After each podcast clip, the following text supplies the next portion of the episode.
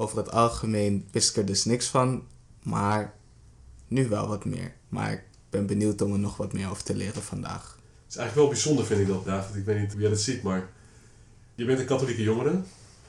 En we hebben het hier over een van de grootste jongerenbijeenkomsten van de hele wereld. Dus of je nou gelovig bent of niet, het is gewoon een cultureel fenomeen van de eerste orde, denk ik. Dat is lijkt me wel belangrijk om te onderstrepen. Alleen daarom is het natuurlijk al echt heel interessant als fenomeen, zou je kunnen zeggen. In ons digitale tijdperk is het moeilijk voor jonge mensen om op ravijnen te letten. De diepe vragen en moeilijkheden waarmee ze worstelen. Ze vergeten de sterren ook snel. Het inspiratieput uit idealen. Jongeren hebben, nu meer dan ooit, onderwijzers nodig. Die hen helpen de realiteit te omarmen en levensvragen persoonlijk te beantwoorden. Welkom bij Canyons and Stars. Welkom bij Mens Zijn Anno Nu. Een podcast die tijdloze wijsheid laat schijnen over actuele vragen van jongeren. Het is een initiatief van Canyons and Stars. En als je dit nou leuk vindt, volg ons. En daar help je jezelf mee hopelijk. En daar help je ons ook mee. Vandaag gaan we het hebben over de Wereld Jongerendagen. Wat is dat? Daar gaan we allemaal induiken. Dat gaan we niet alleen doen, dat gaan we doen samen met Daan. Hi, hallo. Welkom. En David. Hallo, Ten eerste, hoe is het met jullie? met mij gaat het goed. Eh, het is fijn om hier weer te zijn en eh, ik heb er weer een zin in vandaag. Mooi. Ja, zeker. Nou, bij mij eigenlijk ook. Het is leuk er weer te zijn. Ja. Ik wil trouwens nog even duidelijk maken dat we gaan het hebben over de Wereldjongerendagen. Ja. Dat is een super gaaf thema. En als mensen het leuk vinden om mee te gaan naar de Wereldjongerendagen, kunnen ze dus naar huisvandepilgrim.nl om jezelf in te schrijven daarvoor. Dus dat, dat je dat weet, dat dat mogelijk is. ja dus nog één keer. Huis voor de pelgrim.nl. Ja, heel goed. Huisvandepilgrim.nl Het zijn allerlei verschillende reizen van allerlei verschillende initiatieven van de bisdommen, van, maar ook van verschillende geloofsgemeenschappen die daar iets mee doen. En daar kan je allemaal via die website inschrijven. Duidelijk. Hey, en eh, laten we het even hebben dus over de Wereldjongerendagen. Ja, Kan jij daar wat meer over vertellen, Daan? Ja, ik kan er best wel wat meer over vertellen. Er is heel veel over te zeggen. De Wereldjongerendagen, een heel groot evenement. Eh, maar de katholieke jongeren hier, dit is David natuurlijk. Dus ik ben eigenlijk eerst wel even benieuwd om te weten... Heb jij er überhaupt ooit van gehoord, David? Ehm, ik denk voordat jij erover was begonnen, had ik er nog nooit over gehoord. Maar natuurlijk heb ik er de laatste tijd me wat meer in verdiept. Ik heb er wat over gelezen. En ja, over het algemeen wist ik er dus niks van. Maar nu wel wat meer. Maar ik ben benieuwd om er nog wat meer over te leren vandaag. Het is eigenlijk wel bijzonder, vind ik dat, David. Ik weet niet hoe jij dat ziet, maar... Je bent een katholieke jongere. En we hebben het hier over een van de grootste jongerenbijeenkomsten van de hele wereld. En dus het is iets waar jongeren van over de hele wereld bij de paus komen. En Teun, ik weet niet, heb jij enig idee als je een groot rockconcert hebt, hoeveel mensen komen daarop af? Nou, dat zullen nog ja, tienduizenden, eh, honderdduizenden misschien. Dat, nou, dat zal nou honderdduizend niet eens, denk ik. Ja, precies. ja. Nou, de eerste Wereldjongerendag die eh, werd in het Vaticaan gehouden. Dat was in 1984. Nou, toen begon het net, toen waren er 30.000 mensen. Nou, dat is een klein voetbalstadion, dus dat is nog wel te, te overzien. Ja. Maar eh, zijn, sinds die tijd zijn er eigenlijk iedere drie, vier jaar is er weer zo'n grote eh, bijeenkomst met de paus. Waar dus jongeren vanaf de hele wereld komen. Maar ze zijn ook op verschillende plekken in de wereld.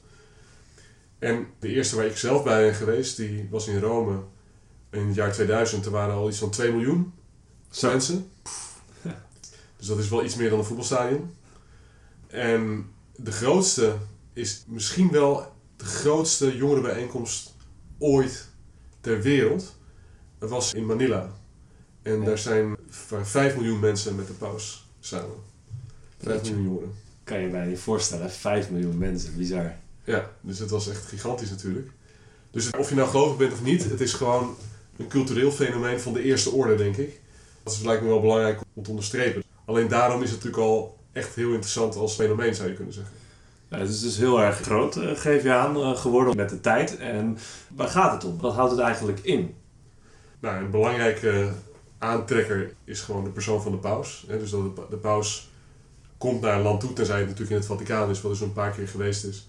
Of in Rome, dan hoeft hij niet te reizen, maar andere keer naar, naar Manila, dan moet hij natuurlijk daar naartoe. En het laatste was dan ook een keer in Panama, of verschillende Europese landen is het geweest. Nou, dan komt de paus naar dat land toe.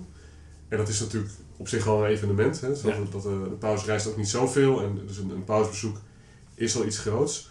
Maar daarnaast is het ook echt een expliciete uitnodiging van de paus aan de jongeren om hem te vergezellen en bij hem te zijn en ook dus elkaar te ontmoeten op die plek. Wat dat betreft is het ook, tenminste zo heb ik het ervaren en ik denk dat veel jongeren het ervaren, echt als een ontmoeting van de wereldkerk. Dus het zijn, het heet ook de Wereldjongerendagen natuurlijk, maar het zijn dus katholieke mensen en geïnteresseerde mensen, maar specifiek jongeren, die allemaal bij elkaar komen en allemaal samen ook het geloof vieren, samen met paus, die de katholieken zien als de opvolger van Petrus. Dus het is in die zin ook echt een groot ja, geloofsfeest, zou je kunnen zeggen. Hè? Van mensen over de hele wereld die... Je ziet ook hoe universeel de kerk is. Hè? Dus de katholieke kerk is echt... Katholiek betekent universeel. En je ziet dat dan gewoon. Dus je ziet dat er mensen zijn van alle werelddelen... die naar die plek toekomen om samen dus het geloof te vieren. Ook altijd met een bepaald thema wat de paus dan aangeeft. En ja, er is dus tijd om elkaar te ontmoeten. Natuurlijk ook om de cultuur op te snuiven, om een beetje toerisme te doen en zo. Maar ook echt om, om geloofsgesprekken te hebben met elkaar en samen ons te verdiepen in wat het geloof nou eigenlijk betekent. En voor heel veel jongeren is dat dus ook echt een grote zet, een grote steun voor hun geloofsleven. Ja, en hoe lang duurt zo'n evenement? Ja, er worden altijd verschillende reizen georganiseerd en meestal is het zo dat zo'n reis... Er zit eerst een gedeelte in wat dan door de organisatie wordt gedaan. Dus bijvoorbeeld een week dat ze ergens in de buurt eh, nou, iets gaan bekijken of vrijwilligerswerk gaan doen of, of iets in die richting. Ik geloof nu dat vanuit de bisdommen bijvoorbeeld, hè, dit jaar is het in Portugal, dan is eerst een busreis die stopt op verschillende plekken richting, richting Portugal. Ja. Dus dan, die reis zelf is ook al zeg maar, een hele belevenis. Maar dan ter plekke zelf is meestal ja, een kleine week, denk ik. Dus je bent een aantal dagen daar met z'n allen. En dan meestal is aan het einde nog een grote slotmanifestatie. eh, waar dus iedereen samenkomt met de paus op een, op een heel grote plek. En daar wordt dan samen de mis gevierd. En Ja. Vaak wordt er ook overnacht samen buiten. Waar dus s'avonds ook een waak is met de paus. En dan 's ochtends de volgende dag is dan een, een heilige mis. En dat is natuurlijk ook een gigantische organisatie met zo ongelooflijk veel priesters die dan allemaal een communie uitdelen enzovoort. Dus op zich is dat ook al een evenement op zich. zeg maar. Ik vind het eh, leuk nu je dit vertelt, want ik ben er zelf ook geweest. Ja. En het brengt ook al gelijk weer allemaal herinneringen naar boven. Wat ik eens had aan had gedacht van, oh ja, dat hadden wij inderdaad ook. En dat heb ik meegemaakt. Dus dat is wel, wel leuk om het zo ook even over te hebben inderdaad. Ja. Weet jij, eh, want nu gaan ze naar Portugal dit jaar. Ja. En eh, dat is in augustus volgens mij. Ja, klopt. Ik had wel een vraag. Want jullie zijn beide in verschillende jaren geweest. Ja, klopt ja. Wanneer, wanneer ben jij geweest, Steun? Ik ben in eh, de Jornada Mundial de la Juventud, dus dat is de, dat, het Spaans voor Wereldjongerendagen, geweest in Madrid. En dat was in 2011. 2000. En jij was in 2000, als ik het goed heb. Ja, ik ben, ik ben in verschillende geweest. Oh, oké. En ik ben dus inderdaad in die van Madrid ben ik ook geweest met een aantal vrienden. En Teun en ik waren in dezelfde groep, dus dat Oh ja, weet ik oké. nog goed. Ja. Maar ik ben inderdaad de eerste keer dat ik was, was in 2000. Daarna ben ik ook in Krakau geweest. En ook nog in Keulen. Dus ik ben echt wel een, eh, Ah, veteraan. eh, zeggen. ja, ja. Onder de jongeren. Wat, Ja. wat ik me afvroeg is of jullie een ontwikkeling, ja, aangezien jij bent al meerdere keer geweest, maar ik dacht misschien konden jullie een beetje vergelijken of jullie verschillende of juist dezelfde ervaringen hadden. ja. ja, ik denk hetzelfde en verschillend. Eh, dat is een ja. heel katholiek antwoord. En, Ja. en- Erg, politiek correct weer. Nee, maar dat is... Kijk, ik zal je vertellen waarom. Kijk, er zijn bepaalde eigenschappen van die wereldjongerendagen die altijd hetzelfde zijn. Dus je bent gewoon met veel jongeren, met de pauze, die dingen die ik net gezegd heb, die, die kloppen. Trouwens, ook één ding wat ik vergeten was te zeggen, maar wat ik wel heel frappant vind, is dat wat je telkens ziet terugkomen, is dat de politie is na afloop echt helemaal verbaasd. Want ja, Ja. als je een groot jongeren-evenement hebt, weet ik veel, je hebt, eh, je hebt allemaal jongeren in een concert, in een, een of ander gigantisch eh, voetbalstadion of wat dan ook. Ja, er is altijd wel een of ander incidentje. De politie heeft altijd wel wat te doen. Er gebeuren altijd wel dingen. Maar bij de Wereldjongerendagen gebeurt er eigenlijk nooit iets. Dus er zijn nooit opstootjes. Want iedereen is gewoon blij om zijn geloof te vieren. Ja, dat geloof vertelt ons dat we goede mensen moeten zijn. En dat doen ze ook. Ja. Dus er, er is eigenlijk geen, zijn geen noemenswaardige opstootjes of zo. Iedereen is samen en het is het samen dat vieren. En dat is gewoon altijd een heel erg mooie sfeer. Waarin mensen aan het zingen zijn. En eh, ja, ook verschillende groepen natuurlijk met sp- verschillende spiritualiteiten. Dus de ene zijn meer met gitaar en de ander wat minder. Maar, maar ja, iedereen is wel gewoon opgewekt en blij. En mensen zijn elkaars land aan het aanmoedigen en zo. En eh, ja, dat is gewoon het is een heel leuke sfeer wat dat betreft. Ja. Dat is iets wat ik eigenlijk altijd wel heb zien terugkomen. hè. Dus die sfeer, dat samenkomen, het samen bidden enzovoort. Wat wel heel erg veranderd is in de tussentijd ben ik. Dus Ja. zeg maar, mijn eerste ervaring van de Wereldjongerendagen was heel anders dan die latere ervaringen. Maar voornamelijk omdat de manier waarop ik erin stond heel erg veranderde. Dus- En natuurlijk, goed, iedere pauze heeft natuurlijk ook wel zijn eigen eh, dingen al. Ja, want toen jij voor het eerst ging, toen was dat niet eh, dezelfde paus als de paus die ik gezien heb natuurlijk. Nee, dat klopt. Ja. Toen ik de eerste keer ging was het nog Johannes Paulus II. Oh, Ja, dus, ja, dat was heel bijzonder natuurlijk om met hem in Rome te zijn. Hij was toen al wel oud natuurlijk. Eh, maar ik heb dus Johannes Paulus II da- daar nog meegemaakt. Ik ben trouwens ook geweest, maar dat is een beetje een, tussen haakjes. Ik ben ook op het Sint-Pietersplein geweest. Die beroemde keer toen hij niet meer kon spreken. Dat was na Pasen. En toen verscheen hij voor de laatste keer in het publiek. Toen wilde hij iets zeggen, maar hij kon niet meer. Dus toen werd zo zijn microfoon weggeklapt. Nou, toen stond ik daaronder op dat Sint-Pietersplein. en daar ben ik heel erg dankbaar voor. Ook omdat juist die eerste Wereldjongerendagen voor mij persoonlijk heel erg belangrijk zijn geweest. En ik eigenlijk hem wilde bedanken daarvoor. En dat kon ik dus doen omdat ik daar toen was. Dus dat was ook wel bijzonder. Ja. Daarna was het eh, met Benedictus. Toen wij in Madrid waren was het met Benedictus. Ja, die hebben we mogen zien. En de afgelopen keer dat is in Krakau met eh, Paus Franciscus. Dus Ja. Ja, dus oké. Nee, wel goed om te horen dat, het, dat je dan wel dezelfde ervaring blijft hebben. Maar ja, ja, misschien met die pauze inderdaad. Hoe, ik weet niet of je daar nu al verder over wil praten, maar dat leek mij wel interessant om te horen, aangezien ik dat zelf natuurlijk nooit meer kan meemaken. Alle Nee. pauzen die zijn geweest, die ga ik niet meer meemaken. Heb je het gevoel dat iedere pauze echt iets heel anders aan je heeft meegegeven? Nou ja, dat is zo'n interessant thema. Want natuurlijk in de media wordt heel vaak de suggestie gewekt dat pauzen heel anders zijn. Hè? Dus dat ze heel, heel verschillend zijn of dat ze heel, zelfs een beetje tegengesteld zijn. Nou ja, Johannes Paulus II was natuurlijk iemand die heel veel charisma had. Hij was iemand die als jongeling was hij acteur geweest. En hij had dus, zeker in zijn eerste tijd als paus, had hij een beetje iets van dat acteurscharisma nam niet mee. In de tijd dat ik hem heb gekend, dus ja, was hij al heel oud. En dus ja, het was niet dat hij super charismatisch daar stond te stralen of zo. Maar hij had nog wel iets van het oude om zich heen hangen. Dus mensen kwamen wel naar hem toe. Hij was gewoon een populaire paus. Gewoon Pablo II, te quiere todo mundo. Dus Johannes Paulus II, de hele wereld houdt van je. Dat werd veel gescandeerd en zo. Het was wat dat betreft een populaire paus. Maar ook natuurlijk een heel diepe paus. Hij was ook filosoof. Hij heeft heel veel gedaan. Bijvoorbeeld op het gebied van de theologie van het lichaam. Dat is een groot ding. Hij is ook die Wereldjongerendagen begonnen. Dus het was zijn idee. Hij heeft echt gezocht naar de jongeren. Overigens ook naar de gezinnen en zo. Dus hij was iemand met heel veel initiatief. En iemand paus die mensen heel erg waardeerde. Daarna kwam Benedictus XVI. En Benedictus XVI wordt vaak neergezet een beetje als een... Ja, hij is natuurlijk recent overleden. Maar als iemand die inderdaad wat minder charisma heeft, laat het zo zeggen. En inderdaad, hij had iets minder die uitstraling naar de massa toe, zeg maar. Maar er wordt ook wel een soort tegenstelling gecreëerd of zo. En ik denk dat die er niet echt is. Ik denk dat Benedictus was meer een academisch iemand. Iemand die heel goed kan nadenken. Maar als je zijn preken leest bijvoorbeeld, of zijn boeken, die, hij kon ontzettend goed heel toegankelijk schrijven en dingen heel goed uitleggen. Dus hij was echt een docent. En dat waardeer ik heel erg in hem.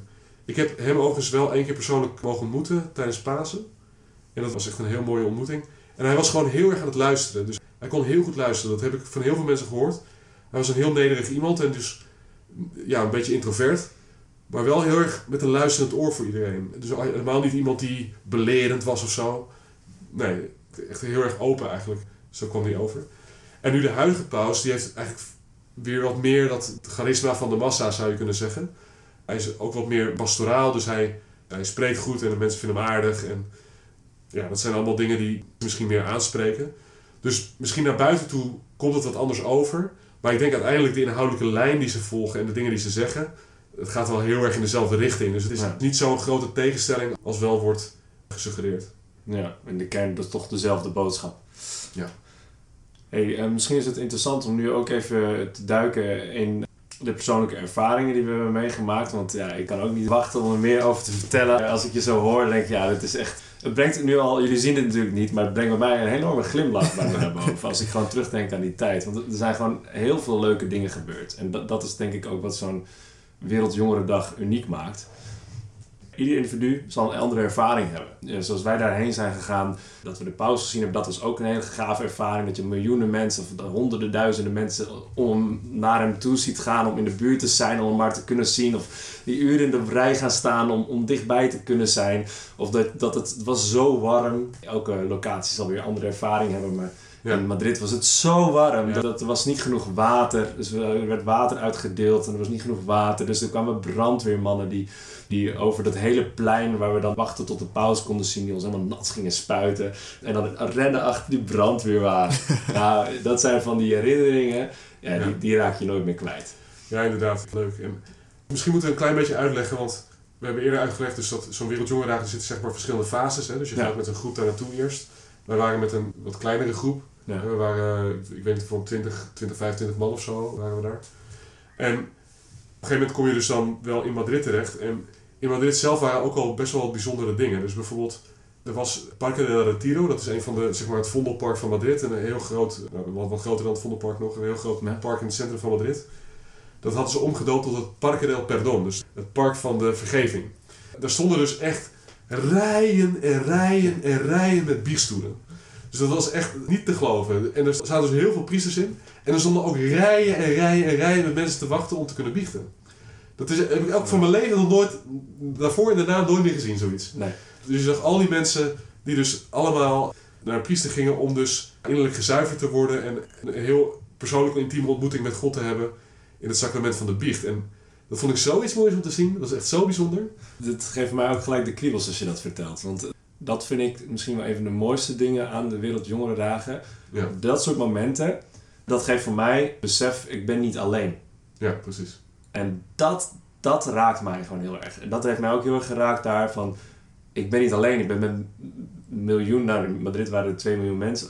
En die komen daar allemaal, inderdaad... In ieder geval de meeste van hun... Omdat ze God beter willen leren kennen. Omdat ze dichter bij God willen zijn. En dan denk je, oh, hè, fijn. Want soms voel je je wel eens alleen in je geloof. En denk je, oh, ik, uh, ik doe het hier in mijn eentje. Je hebt je eigen ritme, routines. En je spreekt misschien niet zo over andere gelovigen. En, en dat zijn die momenten die echt... Woem, je hart weer extra in vlam zetten. Ja, precies. Ja, inderdaad. Naast het zingen met z'n allen en zo. En ja. dat, is gewoon leuk en gezellig. Een ander ding van die Wereldjongerendag in Madrid, ik weet niet hoe jij dat herinnert, Teun, maar voor mij was het echt, dat staat echt in mijn geheugen gegrift. Want ja, je moet je dus voorstellen, nou, er waren dus 2 miljoen jongeren. Nou, dat zijn heel veel mensen. En het is dus aan het einde, dus na die stuk in Madrid, is er een grote bijeenkomst. En dan ga je dus met z'n allen, dat is degene waar je net over vertelde, want dat is eigenlijk het meest indrukwekkende. Ja. Ga je met z'n allen dus naar een, plek, het was in dit geval iets buiten Madrid. Kon via een aantal metrolijnen daar dan komen, maar dan moest je toch nog wel 10 kilometer lopen om daar te komen. Dat was een vliegveld. Dat heette Quattro Vientos, dat wil zeggen vier winden. Dus er klopt ook wel vanuit alle windstreken kwamen dus mensen ja. daar naartoe. En het idee is dus dat, nou, er stond een groot podium en altaar enzovoort. En daar zou dan dus de paus s'avonds komen. En was er en de volgende dag dus een mis met iedereen, dus die 2 miljoen mensen daar in de, in de open lucht. En die gingen daar dan ook overnachten. Nou, dus een hele operatie om daar. Dus de laatste dag was je echt met z'n allen bezig om daar dan met z'n allen te komen. Dus ja. je ziet overal mensen lopen daar naartoe en zo. Nou, en dan op een gegeven moment dan vind je ergens een plekje. Nou, stonden er allemaal. En toen kwam dus het moment dat de avondwaken met de paus was. Dus een groot moment. En op dat moment, vlak voordat dat kwam, was echt een gigantische, maar echt een gigantische stormwolk. Ja. Die gewoon zo op ons af kwam drijven. Zo. En net toen de paus begon met spreken, stak er echt een gigantische wind op. Waardoor hij gewoon moeilijk kon spreken. En het begon te regenen. Ik heb nog nooit zo'n pikzwarte stormwolk gezien als toen. Dat was echt gigantisch en pikzwart. Ja, de paus kon niet doorspreken, want ja, er was gewoon zoveel wind. Dus het was gewoon niet te horen en dat ging gewoon niet. Dus toen hij was daar en hij, hij bleef daar. En je zag dat hij besloot om niet weg te gaan. Dus hij bleef daar gewoon staan. Dus op Benedictus. En hij besloot, ik, ik blijf hier bij de jongeren. En toen kwam dus iemand van de organisatie die kwam naar voren. En die zei... willen jullie alsjeblieft bidden dat de storm weggaat? ja, maar serieus, wat anders kan je doen? Want je staat daar dus gewoon met 2 miljoen mensen die daar een hele nacht in de open lucht gaan willen slapen. En die moeten dat dus waarschijnlijk in de stromende regen gaan lopen doen of zo. Dus ik bedoel, het is gewoon echt een gigantische ramp, weet je wel. Ja. Dus willen jullie alsjeblieft bidden dat de storm weggaat? Ja. Dus iedereen daar, 2 miljoen jongeren, gingen allemaal bidden dat de storm weggaat. Ja, geweldig. Ja. En toen? De storm ging weg. De storm ging weg. Yes. De storm ging gewoon weg. De storm ging gewoon liggen. En, en de paus die kon na een kwartier of zo, kon die gewoon doorgaan met zijn toespraak. En er was een aanbidding. En de rest van de nacht heeft het niet geregend volgens mij. Nee, nee, nee, op dat moment waren we stiekem nog wel een beetje blij met die regen, omdat het zo warm was geweest. Maar Ja. het was wel heel fijn dat dat niet doorging. en inderdaad, volgens mij heb ik het hoedje van de paus weg zien vliegen en dat soort dingen, een stukje podium. En het was op, op een gegeven moment wel echt spannend. Dat je dacht, oh, ja, nou, goede herinnering. Ja, Ja, maar het was, het was echt gewoon wonderbaarlijk. dat is een wonder, ja. Dat was echt heel bijzonder. Wauw. Dus ehm, ja, David, ik weet niet of je dat een beetje een beeld geeft, maar Ja, het, nee, het klinkt heel speciaal natuurlijk. Ik denk ook, ja, nu hoor ik natuurlijk over de keer dat jullie samen waren, maar ja, ook jullie individuele ervaringen klinken heel speciaal, heel bijzonder. En wel ook als iets wat jullie beiden als positief hebben ervaren, of meer dan positief zelfs, als ik hier de vreugde zie waarmee jullie aan het spreken zijn. Dus dat Ja. is wel mooi om te horen, inderdaad. ik, misschien moet ik, kan ik iets vertellen over mijn eerste keer dat ik daar, daar naartoe ging. Want dat, Ja. dat was voor mij wel een beetje wel wat iets anders. Want hè, dus in- toen ik in Madrid was met, met jullie, toen was ik al veel meer iemand die zeg maar overtuigd in het geloof stond. Iemand die, die echt daar helemaal in mee kon gaan en op kon gaan. En, en dus het ook ja, echt op die manier kon beleven als een, als een actief en praktiserend gelovige. Maar wat ik eerder zei is dat ik ben dus zelf heel erg veranderd. En de eerste keer dat ik erbij was, zat ik er helemaal niet zo in eigenlijk. Dus ik was iemand die wel ja, enigszins in het geloof is opgevoed. Dus ik ben wel als kind gedoopt en ik had wel het vormsel ontvangen. Maar ja, goed, zoals veel tieners natuurlijk. Ik, ik had heel veel geloofstwijfels op dat moment. En dus ik, ik had zoiets van, ja, het zou wel kunnen zijn dat God bestaat, maar ik weet het ook niet precies. En ik was eigenlijk meer meegegaan, dat heeft mijn moeder me ook toen verteld, omdat het, ja, het was gewoon een goedkope vakantie. En ja, dat was, het was gesponsord door het bisdom of, eh, of, of door de parochie of ik weet niet wie, maar ik kon gewoon op een goedkope manier op vakantie en dat, dat vond ik wel leuk. Ja. Eh, en ik zong dan op het jongerenkoor, want ik kan heel veel zingen. Dus ik was dan meegegaan met een aantal mensen van het jongerenkoor. Maar ik had eigenlijk best wel ook nog wat voordelen tegen het geloof toen ik daar naartoe ging. Dus ik, het was eigenlijk zo dat ik, dat ik dacht van nou, gelovigen dat is eigenlijk, dat is echt een voordeel. Maar ik dacht van nou, gelovigen dat is voor, voor hypocriete mensen of voor saaie mensen. Dat is ongeveer mijn, Ja, mijn visie van het geloof. En ik moet zeggen dat die reis me daar wel heel veel bij heeft geholpen. Vooral eigenlijk het voortraject. Want daar, we zijn toen met die busreis, zijn we een aantal bedevaartsplekken afgegaan. En onder andere zijn we in Assisi geweest. Hm. En ik weet nog heel goed dat we daar werden rondgeleid door een Nederlandse Franciscaan. Nou, ik weet niet of jullie weten wat Franciscanen zijn, maar... Tenminste, David, weet je een beetje wat Franciscanen zijn? Of? Nee, niet helemaal. En misschien ook handig voor de mensen thuis dat je het uitlegt natuurlijk. Ja, precies. Nou, Franciscanen zijn broeders die eigenlijk een gelofte van armoede afleggen. Dus in principe hebben ze niks, behalve hun arbeid, de kleding waar ze in lopen. En het is een bedelorde. Ze leven van wat mensen hun geven. En het is tegenwoordig geloof ik niet meer zo dat ze letterlijk rondgaan en bedelen. Maar goed, mensen geven in kerken en zo eh, iets aan hen. Maar ze leven van wat ze krijgen. En ja, er was dus een Nederlandse Franciscaan die ons daar rondleidde. En ik, ik dacht, ik zag hem zo. En dat was duidelijk een intelligente man. Die ook interessante dingen vertelde. Maar ook een heel opgewekt persoon. Ja. Maar ja, ik dacht dus van ja. Kijk, als jij alles weggeeft en het enige wat je hebt is je bijt. Dan, volgens mij ben je niet hypocriet. Dat lijkt me een beetje sterk. Ja. En dus ik dacht van ja, dat alle gelovigen hypocriet zijn, dat schema werd mij een beetje doorbroken. Ik zei van nou, dat klopt niet helemaal.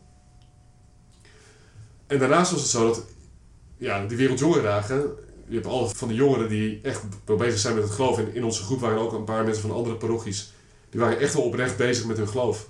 En die waren er heel blij mee. Dus ja, saai waren ze ook niet. Dus dat idee dat gelovigen saai zijn, nou dat is in de Wereldjongerendagen wel redelijk uit de wereld geholpen. Maar ik had wel zoiets. Ik ben zelf niet iemand die heel erg is van grote groepen. En ik was een beetje bang, omdat ik. Ja, ik kon er ook nog niet helemaal achter staan. Want ik vond mezelf niet oprecht gelovig. Dus ik had heel veel vragen. Dus ik was een beetje bang om mee te worden gezogen in die groepsdynamiek. Dus ik had, ik had ook nog altijd wel iets van een soort van afstand. Ik wilde niet mezelf laten overtuigen door groepspsychologie, zeg maar. Ja. Wat dat betreft hield ik wat afstand. Maar tegelijkertijd is het wel zo dat het op zich het zien van de vreugde van die mensen... heeft me dus wel over die vooroordelen heen geholpen, zeg maar. Eh, en ik vond het nog steeds een hele leuke ervaring. Dus, maar ja, ik, ik was dus iets meer afstandelijk. Oké.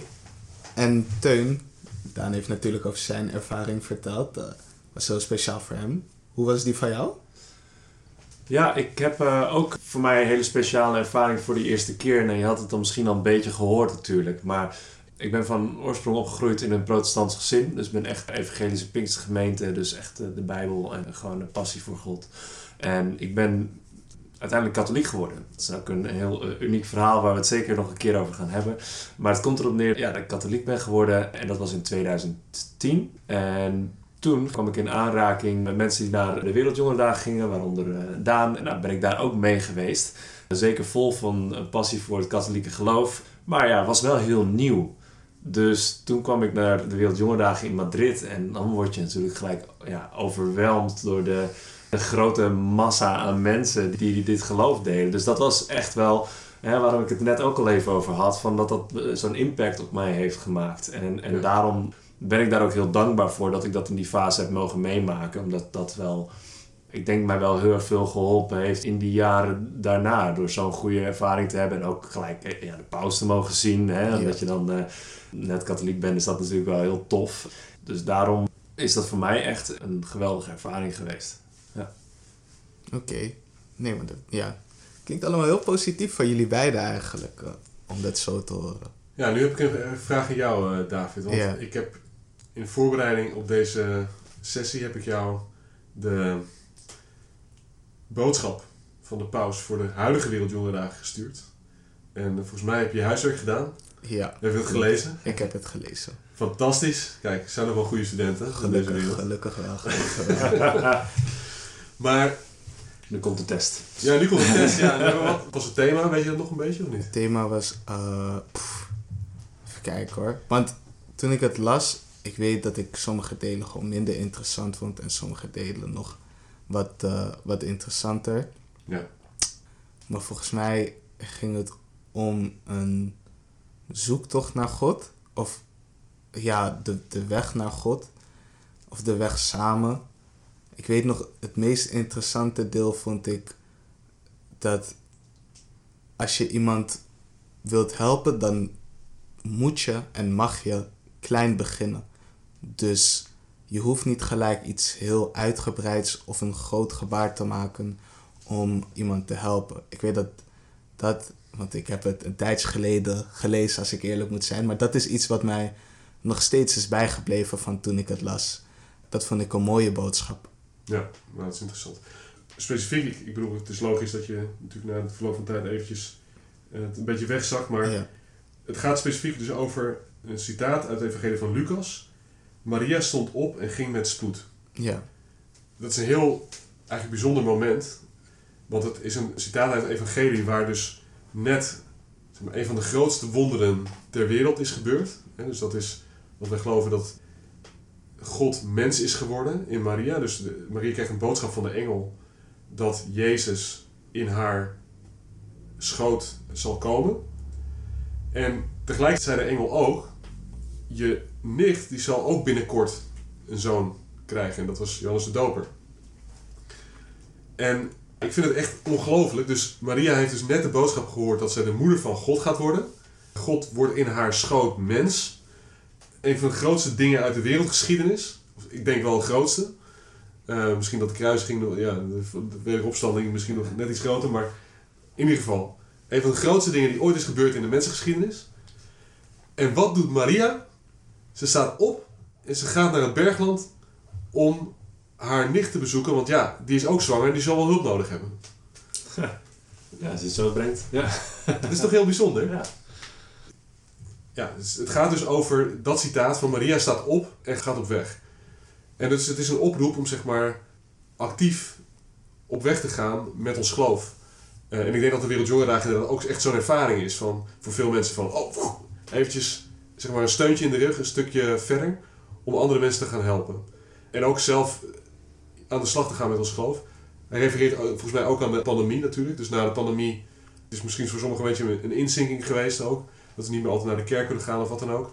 Nou, dit is tegenovergesteld. Even, kom op jongens, we gaan er weer voor. Ja. dus dit is eh, een soort van impuls denk ik die de paus eh, wil meegeven. Zeg je dat wat, uh, David? Of? Ja, de boodschap natuurlijk wel, ja zeker. Ja, dat is wat ik heb gelezen. Een mooie boodschap eigenlijk. Wel. Gewoon doorgaan en gaan eigenlijk. Gaan ervoor. Ja. ja. En dat is dus het thema wat verbonden is aan deze aankomende Wereldjongerendagen. Ja. En daar heeft u dus nu al een stuk over geschreven of uitgewerkt, die ze van tevoren dus meekrijgt. Nou ja, je kan het gewoon vinden op internet. We kunnen wel even een link zetten in de, misschien in de beschrijving van deze podcast, dat mensen het kunnen lezen. Uh, dus de paus geeft altijd van tevoren, voor zijn Wereldjongerendagen, een, toespraak. Waarin hij dus uitlegt wat het thema is. En dus deze toespraak is beschikbaar en dan legt hij dit uit. Maar goed, natuurlijk tijdens de Wereldjongerendagen zal er ook misschien hierover, maar ook over gerelateerde thema's nog worden gesproken. Vaak zowel in de groepen van de landen, dus vaak in jouw groep, als je meegaat, zijn er een aantal mensen die wat meer weten van het geloof en die bijvoorbeeld catechese kunnen geven, die dingen kunnen uitleggen. Maar daarnaast zullen er ook dus bijeenkomsten zijn met de paus, waarin de paus ook toespraken geeft. Natuurlijk is het wel zo dat de paus niet in 25.000 talen tegelijk een toespraak kan geven, dus dat zal dan niet in het Nederlands zijn. Nee.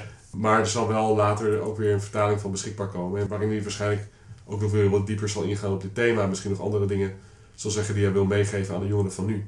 Een van de dingen die ik trouwens nog weet uit de, de vorige Wereldjongerendagen, dat was typisch Paus Franciscus, was dat hij op een gegeven moment, dat was ook heel grappig, want we waren daar, we zaten op een veld en er waren dan, er was een Italiaanse groep en er zat zo'n meisje en een jongen die was dat meisje zo een beetje aan het masseren.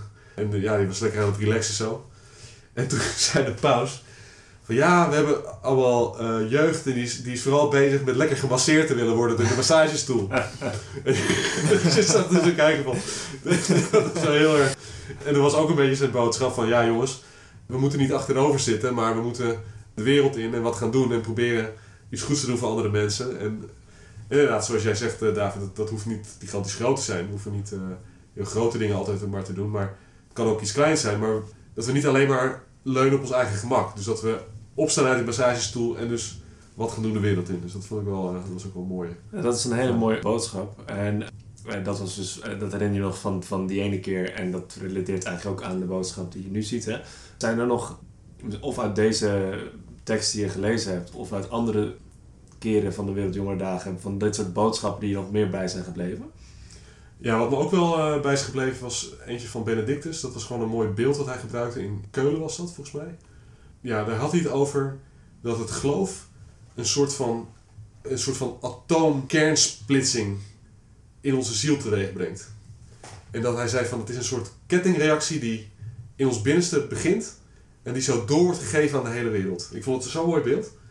Goed, ik ben natuurlijk zelf natuurwetenschapper, dus ik vind dat soort dingen leuk. Maar, maar ik vond het echt een mooi beeld. Want ja, je hebt dus een kernreactor en dan inderdaad één deeltje splitst zich. En uit de energie die voorkomt uit het ene deeltje gaat de volgende weer splitsen. En hij zegt van nou, het geloof is eigenlijk net zo. Die reactie die moet binnen ons plaatsvinden. Maar als het binnen ons plaatsvindt, dan, dan ontploft het zeg maar. En dan gaat het de wereld in. En dan kan het ook echt de wereld veranderen daardoor op die manier. Dus dat vind ik ook, het is ook wel een beetje in de lijn van wat Paus Franciscus nu zegt. Dus het, je ziet het weer, het is niet zo tegengesteld. Maar ik vond het gewoon een heel mooi beeld. Ja, ja fantastisch beeld inderdaad. Het doet me gelijk denken aan de, de boodschap van Jezus naar de vrouw bij de put. Van het, ja. water waar je nooit genoeg van kan krijgen. Dus uh, het heeft een beetje diezelfde die vibe, maar dan een iets, iets, iets uh, moderner thema. Iets, iets moderner thema, ja. ja, ja precies. Mooi. Jezus had het vaak over de schapen en de herders en zo. En wij uh, ja. over de kernsplitsing. Heel goed. Nou, ik denk dat we een mooi gesprek hebben gehad, toch? Ja, absoluut. Zeker. Ja, wat nemen jullie nu mee na dit gesprek? Ik denk, ik denk ik, maar misschien ook de andere jong, jongeren die geluisterd zullen hebben, hebben nu veel informatie gekregen van jullie om goed over na te denken. Veel persoonlijke ervaringen, denk ik ook, die heel handig zijn tijdens de overweging om te gaan naar Portugal dit jaar. Dus daar ben ik heel dankbaar voor en dat is heel fijn geweest. En ik denk ook gewoon de boodschap dat, of het idee dat je wel dichter bij je geloof kan komen op deze manier. En met zoveel mensen ook. Dat is misschien een mooi iets waar ik over na zou denken. Ja, goed. Ja, ik vond het ook leuk om uh, je vraag te horen, David, en ervaringen uit te wisselen. Het is altijd leuk om is een mooie ervaring uit het verleden natuurlijk op te halen. Ja. En, uh, om Teun te zien glimlachen. Dat uh, zo'n brede smile op zijn gezicht. Dat Ja. is, Ja, nee, geweldig. Wat mij opviel is dat het nu na zoveel jaar, en dat het toch wel twaalf jaar terug is. Ik vind het gewoon raar om te zeggen, want ik voel me nog jong, maar het is toch al twaalf jaar terug. Dan ebben toch soms dingen weg en dat zijn gewoon die kleine herinneringen. Maar als ik er dan aan terugdenk, ja, dan, dan begint het gewoon weer helemaal te leven. Dus daarom vond ik dit ook heel leuk om dit gesprek alleen alweer te hebben. En ook mooi dat dat dan ook weer ja, iets in je opwakkert. Dat zeg maar weer wat het inderdaad eh, mee kan brengen. Hey, en Daan, we hebben natuurlijk nu heel veel mensen geïnspireerd om allemaal tickets te boeken naar Portugal. Of hey, ik wil daar misschien wel naartoe. Wat was de website ook alweer waar ze nou heen moeten kunnen gaan? Precies. Huisvoordepelgrim.nl En dus daar zijn tickets voor verschillende bedevaarten van eh, verschillende bisdommen enzovoort. Daar is in principe de centrale plek waar je kan aanmelden. Dus dat is, ik zou het van harte uh, aanbevelen om er in ieder geval naar te kijken. Dat lijkt me heel mooi. En daarnaast natuurlijk, uh, we gaan, deze podcast is een eerste gesprek weer sinds een tijd. We zijn nu van plan om vaker gesprekken te doen. Ik denk dat waar het op uitkomt dat we ongeveer twee keer per maand een wat langer gesprek zullen uitbrengen. De volgende die we willen gaan doen in deze reeks gaat over een heel ander thema. Heel ja. anders. Want we willen uitkomen bij uh, zeg maar thema's die spelen bij jongeren. Ja, dit is een vraag van een jongere die ik laatst heb gehoord. Dat was de vraag ook weer, David. Want misschien weer de vraag is: Is in voetbal toxic masculinity een probleem? Ja. Beetje geparafraseerd, maar daar komt het op neer. Dus is voetbal. En ik kwam hierop omdat ik ja, we waren in gesprek met een aantal jongeren en die zaten hier een beetje mee. Van ja, het is, het is wel leuk, maar er is een soort van aanval op de sportcultuur en de voetbalcultuur gaande. Dan is dat nou inderdaad toxic? Is het niet gezond eigenlijk wat, je, wat we aan het doen zijn? Dus het lijkt me interessant om daarover te praten. En ik denk dat ook vanuit de katholieke traditie, dus filosofie, theologie, dat je er wel een paar dingen over kan zeggen. Dus ik denk dat we dat gaan proberen. Oké, laten we erin gaan duiken in de volgende podcast. Yes. En uh, nou, in ieder geval deze podcast. Hartelijk bedankt weer voor een goed gesprek. Graag gedaan. Ja, ook bedankt. Ja, bedankt hè. En uh, bedankt luisteraars en tot de volgende keer. Dit was Canyons and Stars. Je kunt ons vinden op canyonsandstars.org. Wil je in contact blijven? Ga naar canyonsandstars.org en klik op Doe mee.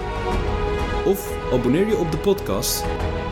Want jongeren hebben, nu meer dan ooit, onderwijzers nodig die hen helpen de realiteit te omarmen en levensvragen persoonlijk te beantwoorden. Canyons and Stars.